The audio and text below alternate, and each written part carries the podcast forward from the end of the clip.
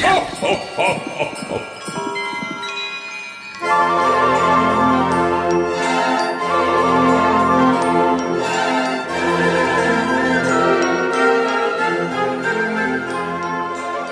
er på settet til klassikeren 'Reisen til julestjernen', filmen om kongen som forbanner ei stjerne, og med det mister både dattera og kona.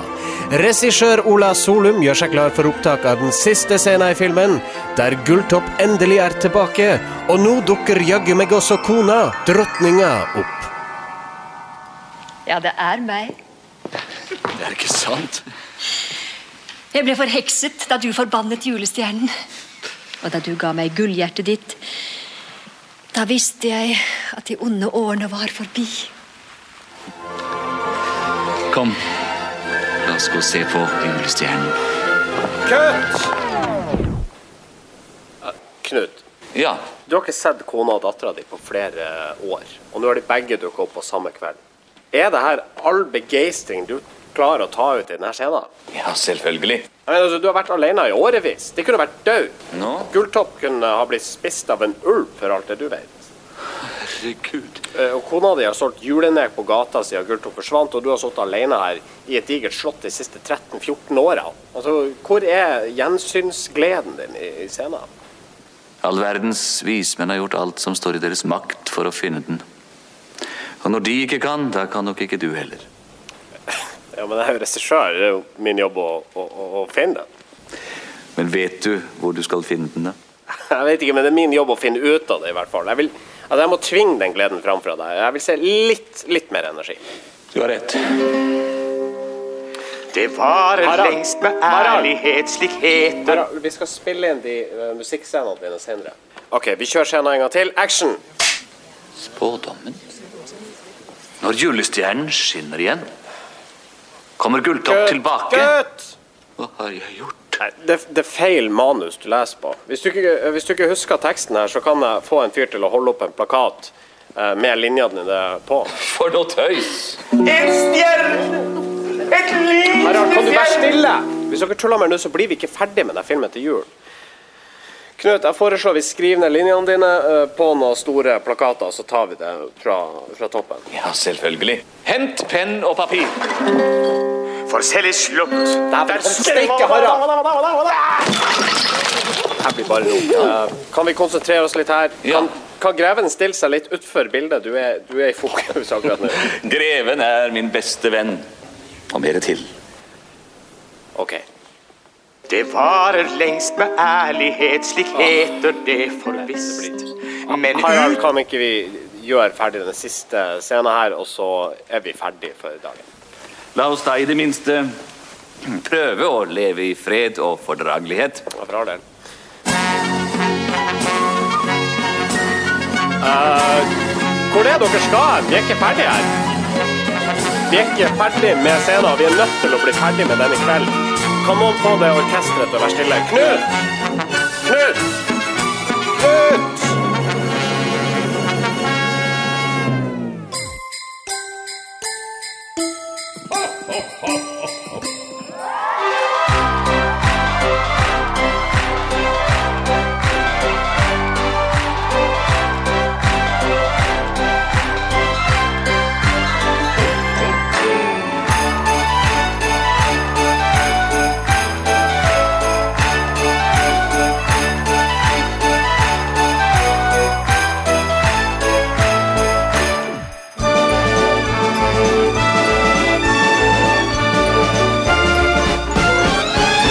It's the most wonderful time of the year.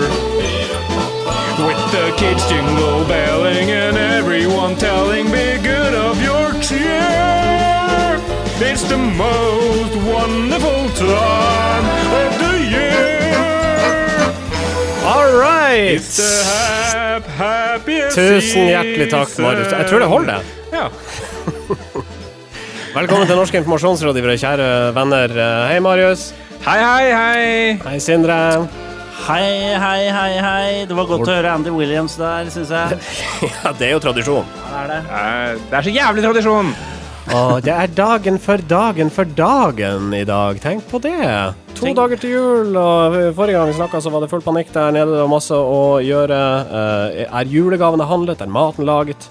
Eh, Hvordan er det? Ja, det, det er det. Det er ikke det. Men eh, jeg har vært på diverse sånne Du vet, eh, nå, kan man jo, nå handler man jo gaver på nett, så jeg har vært på diverse sånn click and collect-butikker. Du, du klikker på nett. eh, og tar toget til Sandvika eh, for å hente. OK, du har bare én, ja. Da må jeg hjem igjen, klikke og kollekte eh, på butikken dere har eh, i Drammen. Og sånn går, det- sånn går det. eh, Så det er eh, Man får sett litt av hvert av landet vårt eh, med sånn rett før jul. Du har rett og slett tatt tog veldig mye. Ja, det har jeg gjort i dag. Ja, jeg synes kanskje det mest uh, positive med denne, denne jula sånn for uh, Norges del uh, har vært at det norske postvesenet har kommet veldig godt ut av jula. Fordi, eh, fordi deres hovedkonkurrent, norsk, nei, Post Nord, de er, jo, de er jo helt fullstendig på bærtur ute å kjøre. Jeg leste en sak om at de brukte altså, mista de en pakke, var det sånn? Ja, de I en pakke? De altså, jeg, har, jeg har til gode å møte folk som ikke har negativ erfaring med Post Nord fra, fra november-desember i år. Det er, sånn der, det er historier om at de eh, sier at de har levert pakker, så møter man opp på butikken for å hente det. Og så er det bare sånn, butikken, nei, det har vi aldri fått. Og, eller de har levert pakker til nedlagte kiosker. og Det er helt fullstendig bonanza. Og det er dritlang kundebehandlingstid. Sånn, jeg skulle klage på et eller annet, og det sto i kø på sånn chat de har på nett. Og så fikk, fikk opp beskjed om at jeg var 100, nummer 122 i kø i chatten. Du vet at eh, Posten eh, har eksistert siden 1687, så det er ikke uten, uten Det tar tid å lære seg hvordan eh, distribusjonsnettet fungerer. Hvor lang tid tar det? 475 år. Men her er jo det danske postvesenet, eh, eller danske og svenske, som er, er egentlig det som har blitt Post Nord. Eh, så, så de viser jo bare det at eh, som i det meste annet, så er de mer dårlig, mer ræva enn det Norge er til å levere ting.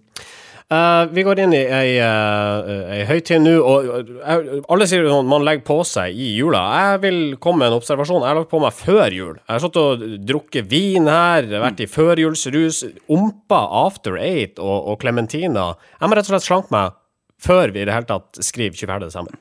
Det er uh, observasjon uh, jeg også har gjort meg. Uh, egentlig hele år har jeg egentlig spist, drukket, eh, lagt på meg. Eh, så for å kunne liksom nyte jula, så er man må man egentlig stikke fingeren i halsen, vel, og Sånn at man får plass til, plass til litt mer.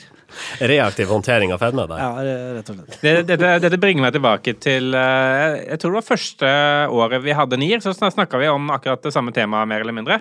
Eh, og da synes jeg da har, du har, har, Husker veldig langt tilbake. Jeg husker veldig mye, jeg er god til å huske ting. Men jeg husker Mar Marius hadde en sånn ganske god kommentar da, eh, som, som jeg har bitt meg merke i. Og det der at eh, det der at man, kan, man begynner å trene Man melder, melder seg inn på Sats sånn i november eller, eller desember, eh, og bare betaler de ekstra pengene. Og at, at eh, de, fordi Istedenfor å vente til tilbudet i januar, og de ekstra pengene det er en sånn, sånn skatt man betaler for å slippe den skammen ved å måtte melde seg inn i januar. Ja, Jeg, jeg, jeg forbedra den ideen siden da. Ja. Nå har jeg vært medlem i hele 2017, sånn at jeg er klar til 2018. Veldig, veldig bra. men, men hva med opp oppe i Bodø, da? Du, har det vært mye før, førjulsrus, eh, sier du? Eller? Altså, mer, mer sånn her altså, nei, Jeg pakka litt gaver, eh, skru på litt julemusikk, eh, det, og, og skjenka et glass vin.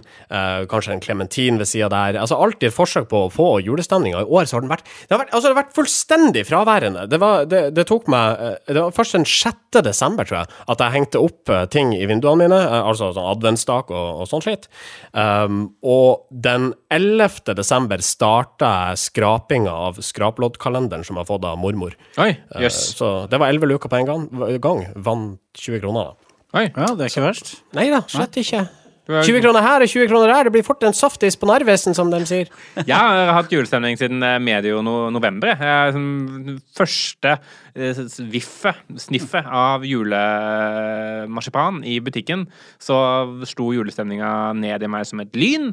Og, og, jeg har eh, ja, gjort masse julete ting de siste seks ukene, og føler meg nå jævlig klar for å ende det hele i et crescendo av ribbe, pakker og eh, akevitt. Jeg skal si at julestemninga kommer også hit til Bodø når jeg får satt mine føtter eh, hjemme hos mine foreldre.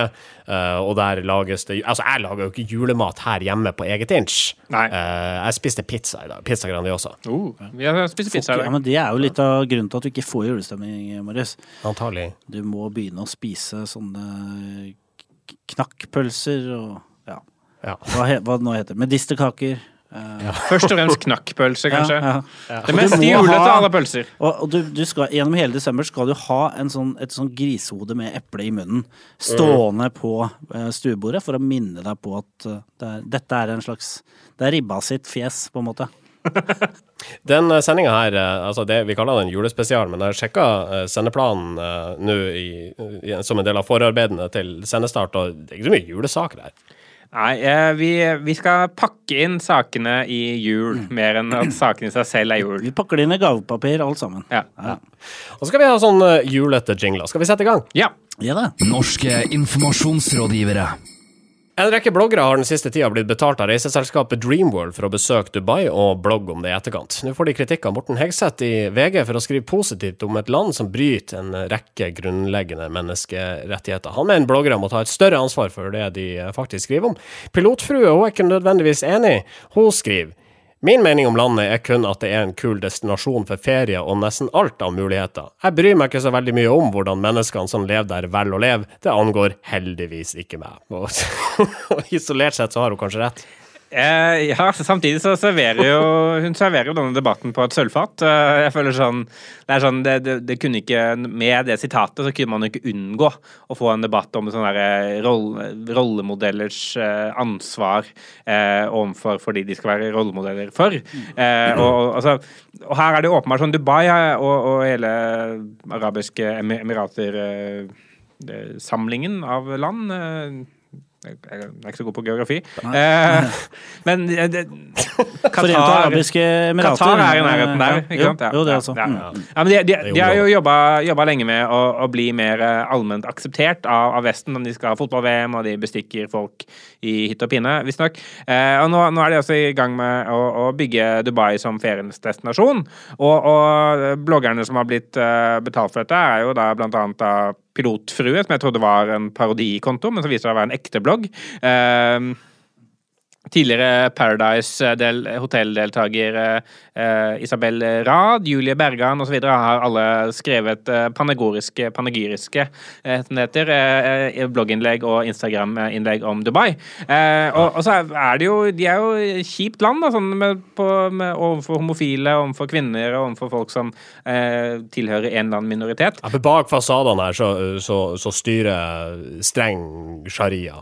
Ja, og, det, er, eh, det, er, mange grunner til å la være til å promotere og snakke positivt om Dubai. I hvert fall eh, så bør man eh, balansere alle positive inntrykk med kanskje det som er det ekte Dubai, da. Ja, men hvordan skal man gjøre det? Altså, hvis pilotfrue er nede der og så skal skrive om det. Det er så fint i Dubai. På den annen side så slår det kvinner her. Men det er så mange flotte hoteller. Andre siden så eh, risikerer du å havne i fengsel hvis du eh, tilfeldigvis er homofil. Men det er så nydelige strender her nede. Det, det, man, det det kunne gjort, det er jo sånn som akademikere gjør når de skriver, eh, skriver eh, vitenskapelige publikasjoner, det er at de har fotnoter. Sånn at man hadde hatt en fotnote ved hvert uh, fyndord, da. Så man kunne gå litt sånn til kilden på hvor jævlig det egentlig er, da.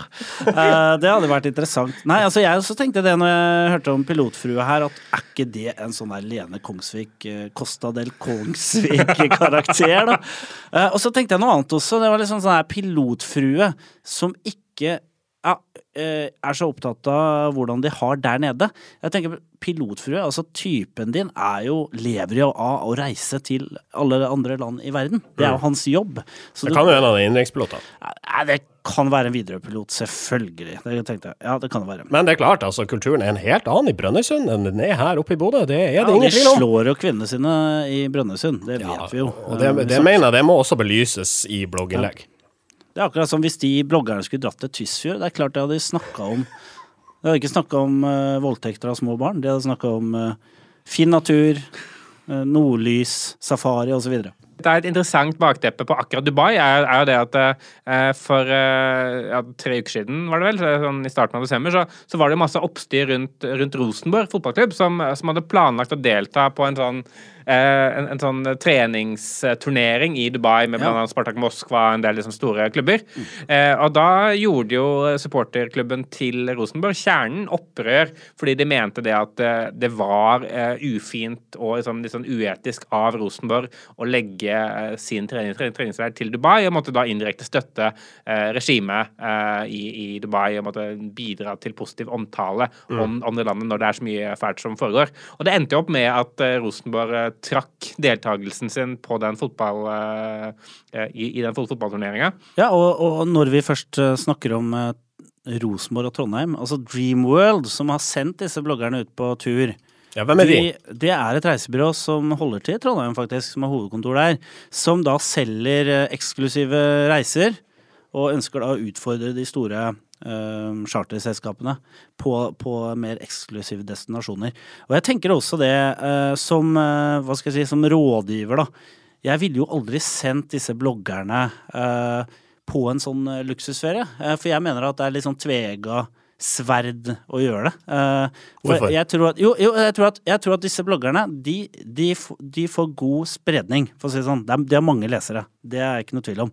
Men treffer de den målgruppa som dette reiseselskapet ønsker å treffe, det er jeg veldig usikker på. For dette er en Dubai og, og mer sånn eh, destinasjoner i Indiske hav, Mauritius, Seychellene øh, osv. er destinasjoner eh, som har en ganske spesifikk målgruppe. hvor Det koster kanskje 100 000 å, å dra på en skikkelig ferie dit. Så jeg ville jo brukt pengene på en helt annen type influencers, da. Jeg syns, det er fint eh, det, det Dreamworld eh, skriver om Dubai på sin eh, nettside, dreamworld.no. De skriver Dubai. De tilbyr jo også da turer til Bali og Singapore og Maldivene og sånn. Men om om Dubai så skriver de dette er begynnelsen på en reise som vil gi deg et nytt perspektiv på hva vakker arkitektur og luksus virkelig er. Opplev glitrende skyskapere, spektakulær arkitektur og hoteller i verdensklasse. Så de nevner altså arkitektur to ganger. eh, Men de tar seg ingen tur bak hotellet. Nei, det, det, det, er, det er, og det er veldig sånn tydelig. Dette er fasade, først og fremst. Eh, Flotte kulisser. Ja. Yes. Det Sånn som gamle westernkulisser. Det ser ut som en ganske imponerende by når helten kommer ridende inn der, men hvis du går på baksida og ser, så er det bare noen planker og, og noe dritt som, som holder oppe eh, flate fasader. Så det står barn og holder, på, holder disse fasadene oppe. Det blir ikke noe tur til Dubai uh, for oss med det første. da. Det Nei, det, det blir ikke det. Altså, vi, er, vi er jo ikke sponsa, så da drar vi ikke, vi. Men vi, hadde vi fått spons, så hadde vi selvfølgelig dratt, vi. Og Og prata varmt om Dubai i denne podkasten etterpå. Oh, ja da. undertrykt all uh, seksuell usikkerhet som måtte finnes i, i kroppen vår. Vi, eh, jeg tror vi må uh, hive oss i sleden og reise videre. Nier. Metaforgamet til norske sportsjournalister er for dårlig i omtalen av tysk fotball, det mener Jan Christoph Kasselnoven. Et eksempel, NRKs oppsummering av kampen mellom Bayern München og PSG forrige tirsdag, hvor kommentatoren ytra følgende da den franske Bayern-spilleren Tolisso satte inn 3-1-målet. Men tyskerne har fortsatt ikke glemt slaget ved Normandie! Ikke med den stemmen, men når eh, noen sportsjournalister i mangel på reell eh, innsikt i tysk fotball skal beskrive den, så tyr de til umiddelbare assosiasjoner. Tyskland, Hitler, krigen, skriver Jan Kristoff i et innlegg hos Medie24.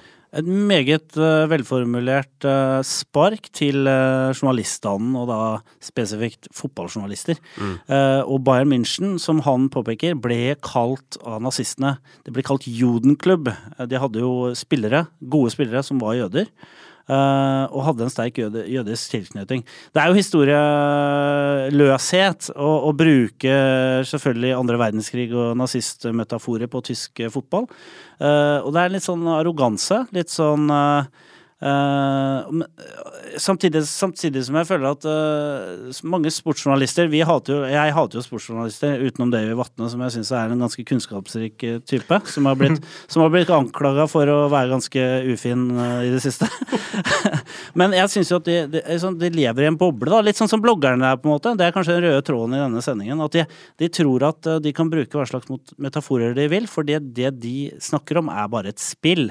Eh, og ikke sant, de kalte Michael Ballack for der fyrer. Altså, altså Det er ikke særlig pent, da. Uh, og jeg har jo vært i Tyskland, jeg husker jeg var der for noen år tilbake og holdt et foredrag.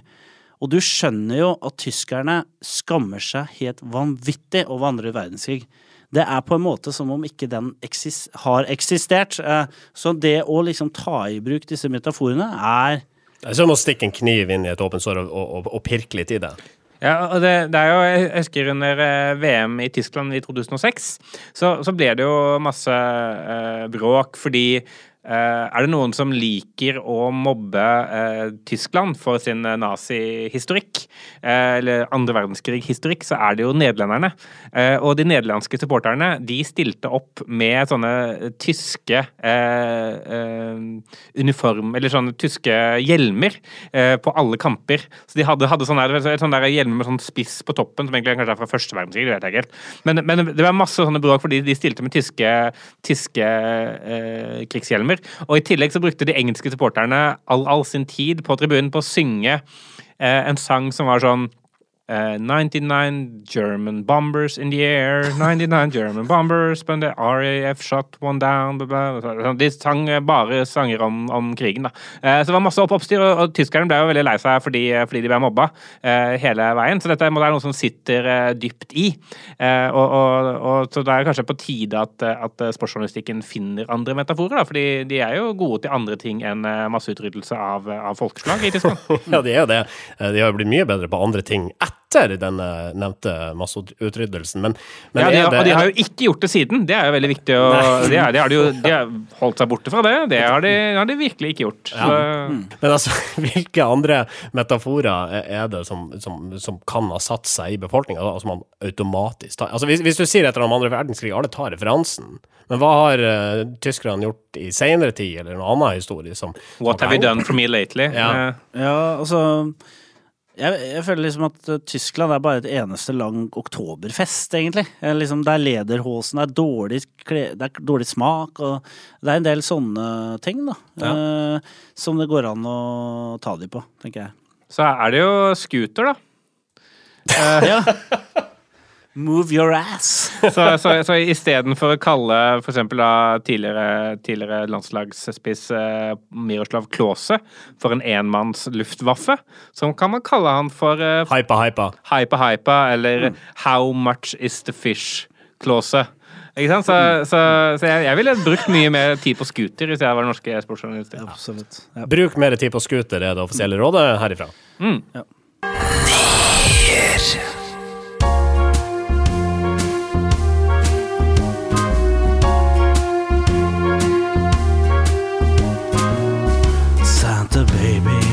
slip a sable under the tree for me. I've been an awful good girl, Santa baby. Hurry down the chimney tonight. Det er ei eh, låt Vi diskuterte det her, her uh, før sendestart i dag.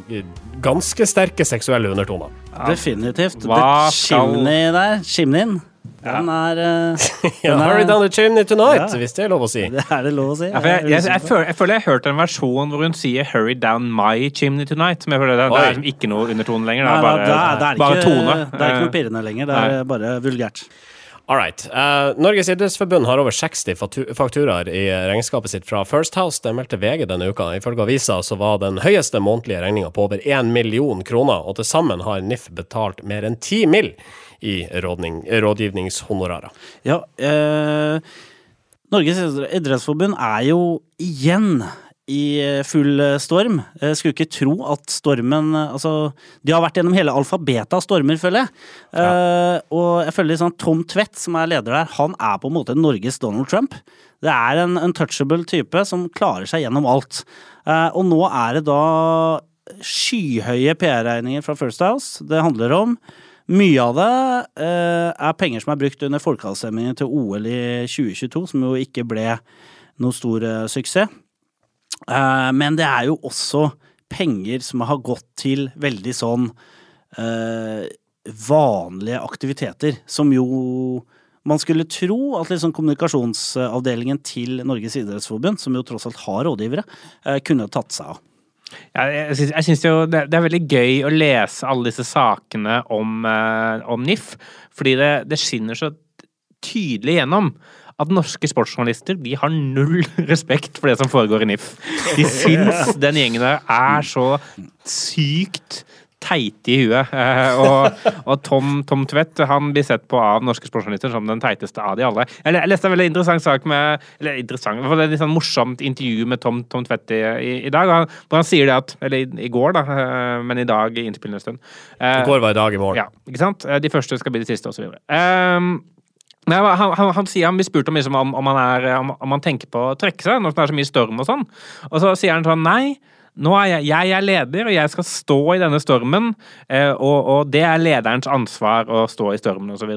Og så ja, det er for så vidt sant, men ikke når du har skapt stormen. Altså, sånn, altså Når stormen er deg, da kan du ikke stå i stormen. Du da må er du stormen, og det er du som faktisk satt og bæsja ut den bæsjen som du får i trynet etterpå.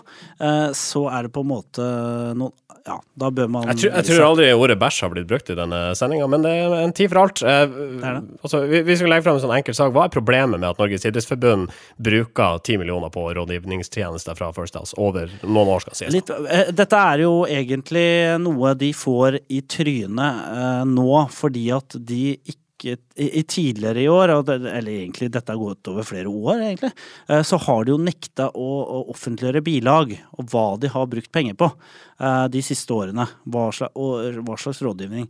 Og når de nå er Det er jo ikke noe problem at en stor organisasjon som møter, som opplever stor belastning eh, eller mm, krav om øh, Altså, de får kritikk si? utenfra, og, og, og de Ja. opplever et voldsomt press fra journalister som vil gå dem etter i sømmene. Ja, det, er, eh, altså, det er ikke noe problem at sant, når de har satt i gang en aksjon for å prøve å få OL til, eh, Oslo, OL til Oslo, så er det ikke så rart at de trenger kapasitet. Det er ikke så rart. Nei. Eh, men det er klart, når de tidligere har nekta å liksom, gi folk innsyn i regningene, så mistenkeliggjøres det. Og så kommer det fram at de har brukt First House, og de har brukt over 10 millioner, og til og med en måned der over 1 million eh, kroner på, eh, på byrå.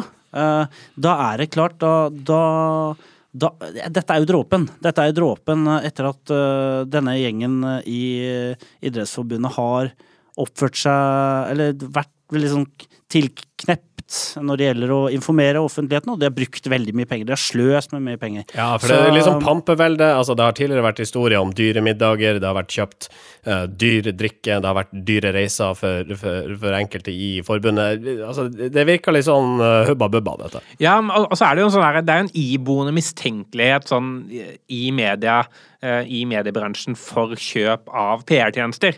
Ikke sant? Så det med at alle summer brukt på PR-rådgivning fra et eksternt byrå er for mye, ifølge liksom, norske journalister. Og hvis det er First House i tillegg, det, det gjør det ikke noe bedre. Nei, og ikke bare First House, men det er også Sylvi Listhaug. Altså, eh, det, det er jo en, eh, det er en annen sak eh, Det var Dagbladet som, som breaka den på at eh, bare to uker før Sylvi Listhaug gikk inn i, i statsråd, eh, inn, inn i regjeringen, Regjering. så, så, så, så sendte hun en faktura til Norges idrettsforbund for eh, kommunikasjonsstrategi for påvirkning av Frp eh, inn mot Oslo-OL. Og Det er klart det er mange sånn juicy elementer i dette her. Og jeg tenker sånn, akkurat den Listhaug-saken den beviser jo kanskje det at dette var vel anvendte penger. da. For hvis du, hvis du kan betale da eh, en person som er på vei inn i regjering for råd om hvordan du påvirker regjeringspartiet, så er det åpenbart at de i hvert fall har kjøpt kompetanse som de trenger. Eh, ikke sant? Og den er, kan jo være relativt verdifull. Hvis, hvis Oslo hadde fått OL, eh, så hadde jo det måttet betalt seg sannsynligvis. sannsynligvis. Altså, altså en, eh, en eh, organisasjon eller en toppleder eller hva som helst eh, er, skal jo være opptatt av å skape gode relasjoner med stakeholders, som det heter. Ikke sant? Og det er jo i dette Det tilfellet står på første journalist- sida i PR-boka. ikke sant. Yes, der, der fikk jeg fram det. Uh, at jeg leste. Uh, altså, og det tenker jeg, det som er problemet for Tom Tvedt nå, det er at han aldri klarer å komme seg eh, på offensiven. Fordi at eh, han hele tiden må kjempe. Eh, han, han blir tatt på senga gang på gang på gang, og, og det er liksom For å bruke en sånn seksuell eh, metafor, eh, beklager det. Jo, jo, men vi innleda med Santa Baby her, så. Vi, vi gjorde det. Uh, og, og det tror jeg er grunnen til at han egentlig ikke kan ha noen fremtid som toppleder der. Da, for Du spår her og nå at, at uh, Tvedt kommer til å gå. Ja, for det, det du ser, da, det er at dekningen av Norges idrettsforbund Det har nesten Det har vært ekstremt få positive saker, selv om det skjer sikkert masse bra. Men greia er at alle de negative sakene overskygger de positive av at Tom Tvedt er sjef. Ja. Og, og, og Tom Tvedt er jo også mannen bak liksom, eh, jeg føler et av de mest sånn rareste svarene på et kritisk spørsmål jeg har hørt. Eh, fordi eh, i forbindelse med den hele den alkoholsaken, eh, hvor de fikk kritikk for store regninger på alkohol under London-OL, eh, så, så svarer han på et spørsmål om et visst antall flasker vin eller noe sånt. Han sier sånn Hvis det tallet er 11 flasker vin, så var det det styret drakk. Så enkelt er det. For Han bare, bare gjentar faktaene og kaller det et svar. Og det er jo, det er jo sant. det det er jo like, likevel ikke et svar. Og jeg syns jo litt synd på First House her, som, sikkert, som jo har på en måte fakturert ti millioner kroner for å eh, prøve å hjelpe forbundet til å gjøre noe riktig. Eh, og de har ikke klart det. Selv De ikke har- med ti millioner. Det hadde nok ikke gått med 100 millioner heller. De har, har, har ikke meldt på det der 'Vi hjalp eh, NIF med eh, å prøve Ikke- å få OL til Oslo og mislyktes' til gullkorn. Det har vi ikke sett. eh, ikke fikk de OL, og ikke, og ikke får NIF være i fred i etterkant Men det kan jo hende det hadde fått en sånn Saber Awards eller Excellence Awards eller noe, hvis de hadde skrevet case veldig bra. ja. Hvis Preben Karlsen hadde skrevet case, hadde vi vunnet. Ja, da hadde vi vunnet. Du, eh, apropos fakturaer, jeg tror vi slår sammen et par saker. her, For Vegard har også avslørt at Idrettsforbundet har betalt Bjørn Dæhlie tål og talt for å stille opp på Senkveld i TV 2. Dette har avisa avdekka etter å ha sett på fakturateksten. Der står det kort og greit. Vedlag i henhold til avtale, Bjørn Dæhlies deltakelse i Senkveld. Ja, nå, nå sa du 12 500, men det er jo 12 500, og det er helt andre summer, da. Ja, det er klart. Altså, det er ganske lite penger, egentlig. Det er ganske lite penger, og det er helt greit. Jeg syns, det er helt uh, Forbundet sin jobb er jo å prøve å Eller bruke de kjente fjesene eh, de har tilgjengelig, som er positive til OL, og bruke dem i den kampanjen for å få OL. Ja, for det, det, det, det, det er ganske viktig å få fram. Bjørn Dæhlie var veldig positiv til OL i utgangspunktet. Det var ikke slik at han ble leid inn av Idrettsforbundet til å være en positiv stemme, altså til å være en positiv frontfigur her. Nei, han sa at han var jo kjempebegeistra for å øh, Han ønska virkelig å kjempe, jobbe for den saken. Og det med at han fikk penger, det var liksom sånn tapt arbeidsfortjeneste-type ting. At øh, ok, det tok kanskje litt mye tid, så jeg ble bedt om å fakturere litt. Ja, for Han sier til VG at han jobba døgnet rundt for OL over tid, og at han aldri har bedt om noe betaling. Eh, men at NIF oppfordrer ham til som du sier, til å fakturere enkelte ganger. Og så sier uh, Dæhlie til VG at fordelt på antall timer så er man gått ned eh, på minstelønn. Vi snakker om en symbolsk betaling her, rett og slett. Jeg, jeg, jeg tror på Dæhlie i dette. Jeg tror også. Ja, og så sier, sier sier han også sånn Min mening om NIF er at det er en kul forening for idrett og nesten alle andre muligheter. Jeg bryr meg ikke så mye om hvordan de menneskene der velger å leve. Det angår heldigvis ikke meg. Norske informasjonsrådgivere. Den norske avdelinga til klesmerket Gant er forbanna på Coop Ops etter at kjeda skaffa seg et parti med finskjorter som de dumpa prisen på. Gant tar altså 1000 spenn for den aktuelle skjorta, Coop solgte den for 599. Dette er direkte ødeleggende for merkevaren, skrev markedssjef Alexander Transeth i et illsint innlegg på Coop Ops i Facebook-side. Ja, det er litt eh, Jeg beit meg merke i, i denne saken her, fordi det er litt sånn eh, Jeg visste for det første ikke at liksom, den eh, praksisen eksisterte, da. Fordi her er det jo Gant som har da lisens på Gant i, i Norge, og til å selge det. Men så finnes det da tydeligvis distributører i utlandet som også selger da kjøper opp og selger merkevarer i måte, sånn partikjøp, sånn at da Coop kan, kan kjøpe det og dumpe prisen. Og der måtte det helt uavhengig da av hva måtte Gant Norge måtte ønske å gjøre. Såkalt parallellimport, dette. Jeg trodde det var ulovlig, men, men Gant sjøl sier også nei da, det er ikke ulovlig, men vi syns det er svært uheldig. Ja, de, de syns det, ikke sant. Så, så, så han eh, Alexander eh, Transeth, som er markedssjef i Gant, han har fått nok. Så han, han publiserte en kommentar under en sånn eh, eh, Jeg tror det er under en annonse på Facebook-sida til Coop, hvor han spør sånn Hei, kan jeg spørre hvor i eh, Altså fire stjerner eh, Helvete, kanskje? eh, Skrevet litt feil. Eh, kan jeg spørre hvor i helvete dere kjøper Gant-skjorter og boksere? Og så skrev han litt lenger ut i innlegget Dette er direkte ødeleggende for merkevaren. Rett og slett ufyselig å se hvordan dere gjør business kun for å tjene bitte litt mer penger på andre merkevarers bekostning. Ja, Da er jo spørsmålet eh, har dette egentlig noe å si for eh, merkevareverdien til Gant at Coop selger et lite parti eh, med skjorta billig? Eh, Det, det er vanskelig å si. Jeg husker eh, altså, eh, et ganske sånn kjent, eller mediumkjent, case med, med Rebook for noen år siden. Fordi, fordi Rebook var en veldig sånn eksklusiv merkevare lenge. Og så måtte i jaget på, på vekst, så valgte de å gå inn i en avtale med Walmart, hvor Walmart fikk lov til å distribuere Rebook-klær sånn tidlig 90-tallet. Mm. og det endte opp med at de måtte dumpe prisene, og det betydde at Rebook ble tilgjengelig for alle. Ikke sant? Så det måtte være masse tjukke folk som gikk rundt i Rebook-klær. Eh, som jo altså, Som ikke nødvendigvis er negativt i seg selv, men måtte det går fra å være måtte, et, et, eh, merke for atleter til å være noe som folk griller i. Da, og da er det plutselig noen helt andre assosiasjoner til den merkevaren. Ja, Det for da, da, da det- kommer grilldressbeskyldninga med en gang. Ja, ikke sant? Og det er kanskje det Gant er redd for, at det blir grillskjorta, da, eller et eller annet sånt.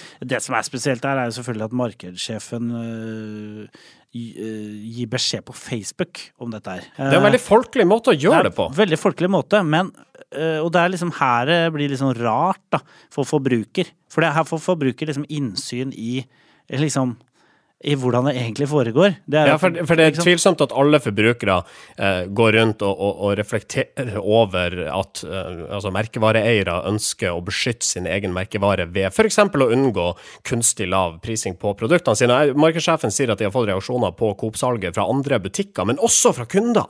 Jeg tenker sånn, Det er vel ikke så mange kunder som reagerer på det? De får jo billige skjorter. Ja, ikke sant? Men det fins jo sikkert noen store øh, sånn Gant-fans, da, som Ja. tenker at faen, nå, nå kan naboen også kjøpe dette her.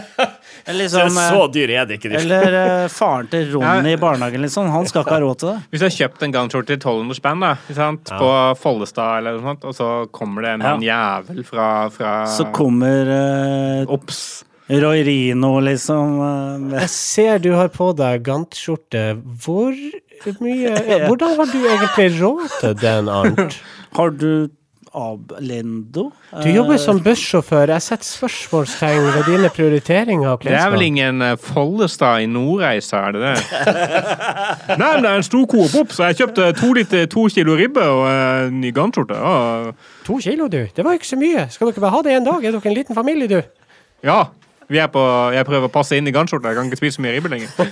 Norske informasjonsrådgivere. På tuppen her, Nordeas danske personalsjef Karen Tobiassen lar seg inspirere av Adolf Hitler. Uttalelsen kom i et intervju med finansavisa Børsen, og hun ble altså spurt om å liste opp sine tre største inspirasjonskilder, og Hitler han klokka inn på en fin, fin tredjeplass.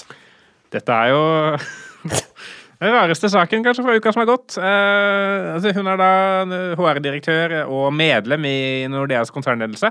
Eh, og hun, hun sier jo ikke da altså Grunnen til at hun velger Hitler, da, er jo ikke fordi hun, eh, hun syns det var inspirerende måten han eh, håndterte jødene på. Det er jo eh, mer fordi han, han eh, viste at han kunne få ting gjort. Eh, som, som leder. Hun, sier sånn eh, Ja, eh, hun innrømmer at valget er kontroversielt. Det skulle bare mangle. Eh, hun sier det er et tøft valg, men for meg er Hitler et skrekkinngytende eksempel på at man kan få folk til å gjøre vanvittige saker. Ja. Eh, og, og, og, og, og legg til at altså, og, og, for å kontekstualisere det, altså, det er ikke spesielt langt fra omsorg til grusomhet, og som leder så skal du være bevisst uh, ditt ansvar og uh, rollen. Jeg syns forklaringa her er, er bra. Hun sier jo ikke at Hitler er en av heltene sine. Nei, nei det, jeg, jeg synes også sånn eh, Når man leser konteksten på det, det er sånn, man godt forstår det, men jeg syns likevel det er en rar sak å gå på barrikadene på. Bare sånn, nei, jeg er faktisk Altså, du må jo skjønne hva som kommer når Mm. Ja, du sier du Hitler. det. Og at du likevel velger at dette skal bli en sak, det vitner jo om litt dårlig dømmekraft. Jeg syns det er rart også, fordi at bakteppet til at hun blir intervjua, er jo at Nordea har beslutta at de må rett og slett si opp 6000 medarbeidere. Og når liksom Hitler kommer i den sammenhengen, litt sånn ja, sammenligne det å sparke 6000 medarbeidere med hva Hitler gjorde. eh, med ja, Det blir i gass- hvert fall ikke gass- gassa. Nei, det ble ikke gassa, og det var ikke seks millioner som ble oppsagt heller. Men de har kalt det den, en, den endelige løsningen, så det er litt sånn ufint. All right. Uh. Men, men hun skal ha Men hun har en utrolig sånn spennvidde, da. I, Ja. I dette her. For når eh, liksom den, eh, Det er jo en eh, holocaust-overlevende. Uh, Viktor Frankel som blir uh, lista opp her som, nummer, som en av de andre tre. sammen med Gandhi, da, som den Og sammen med. Gan- Gandhi. Ja. Og, og, og de tre på en øde øy, det hadde vært spennende, det. ja, det var kjempegøy. Det er et reality-konsept der. Ja, sett Hitler med Mugabe Gaddafi på en øde. Det hadde jo vært fantastisk. Det er synd liksom ikke Ja. Det er Men, men, men det det er mulig at, at poenget hennes er sånn at hun gjerne vil ha liksom, eh, kunnskapen og innsikten til, til Frankel, menneskesynet til Gandhi og gjennomføringskraften til Hitler eller noe. Sånn, ja. Det hadde blitt en ideell, ideell leder. Ja, for Hitler fikk jo bygd mye. Han bygde jo en autobahn og Han bygde Ja. jo Nordlandsbanen. Nordlandsbanen, ikke minst. Han var en driftig type, vet du. Ja. Hitler var ikke så ille som mange vil ha det til.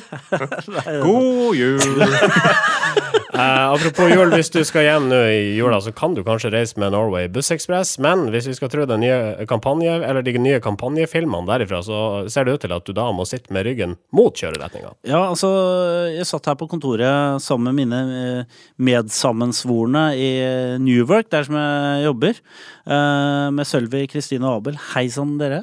Uh, God jul. Eh, og uh, vi begynte å se på den der uh, reklamefilmene som Norway eh, lager, eller eh, dette reklame...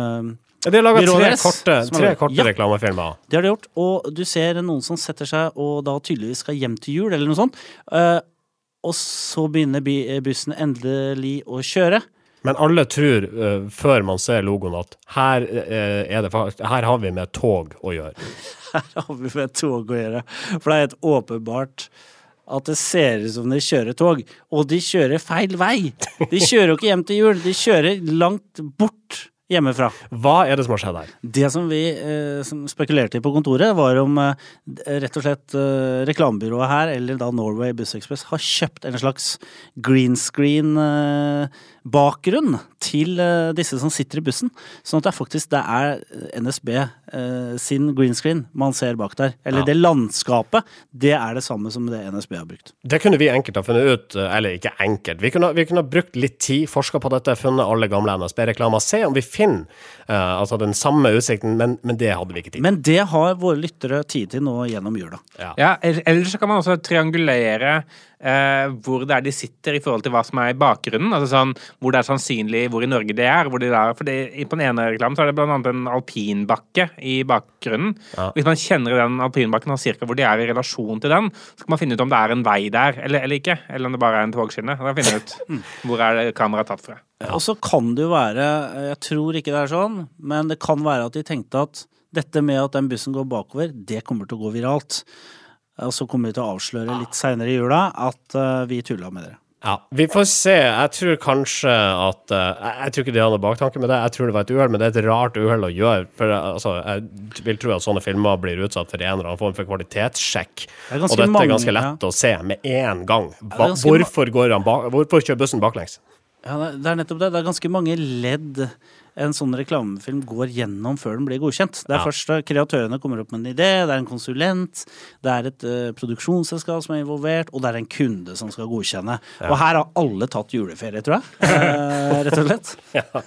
Um, helt til sist her, Håvard Nordgaard uh, har sendt oss en, eh, en, eh, melding på Facebook-sida og ber oss rette opp faktafeil fra forrige episode.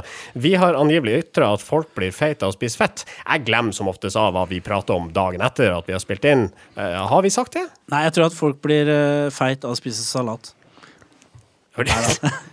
Du blir ikke grønn av å spise grønnsaker, eh, eh, legger Norgård til. Altså Det korrekte er at man blir feit av å spise karbohydrater og sukker. Og det vet vi jo selvfølgelig.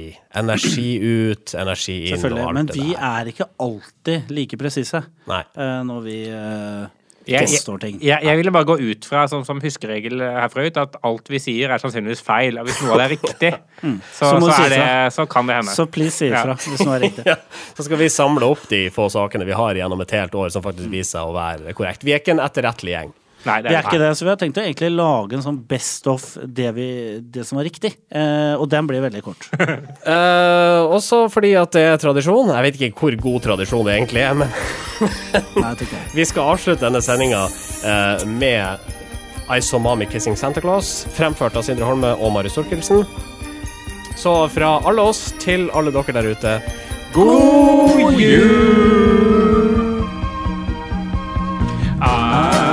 Saw mommy kissing Santa Claus underneath the mistletoe last night.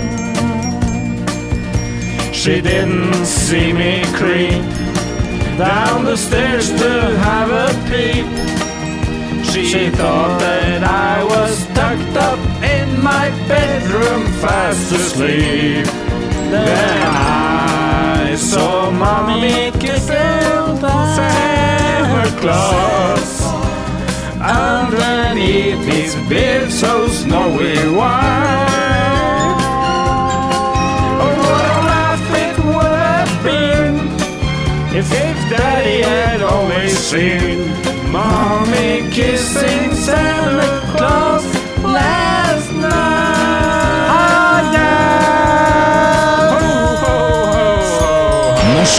informasjonsrådgivere.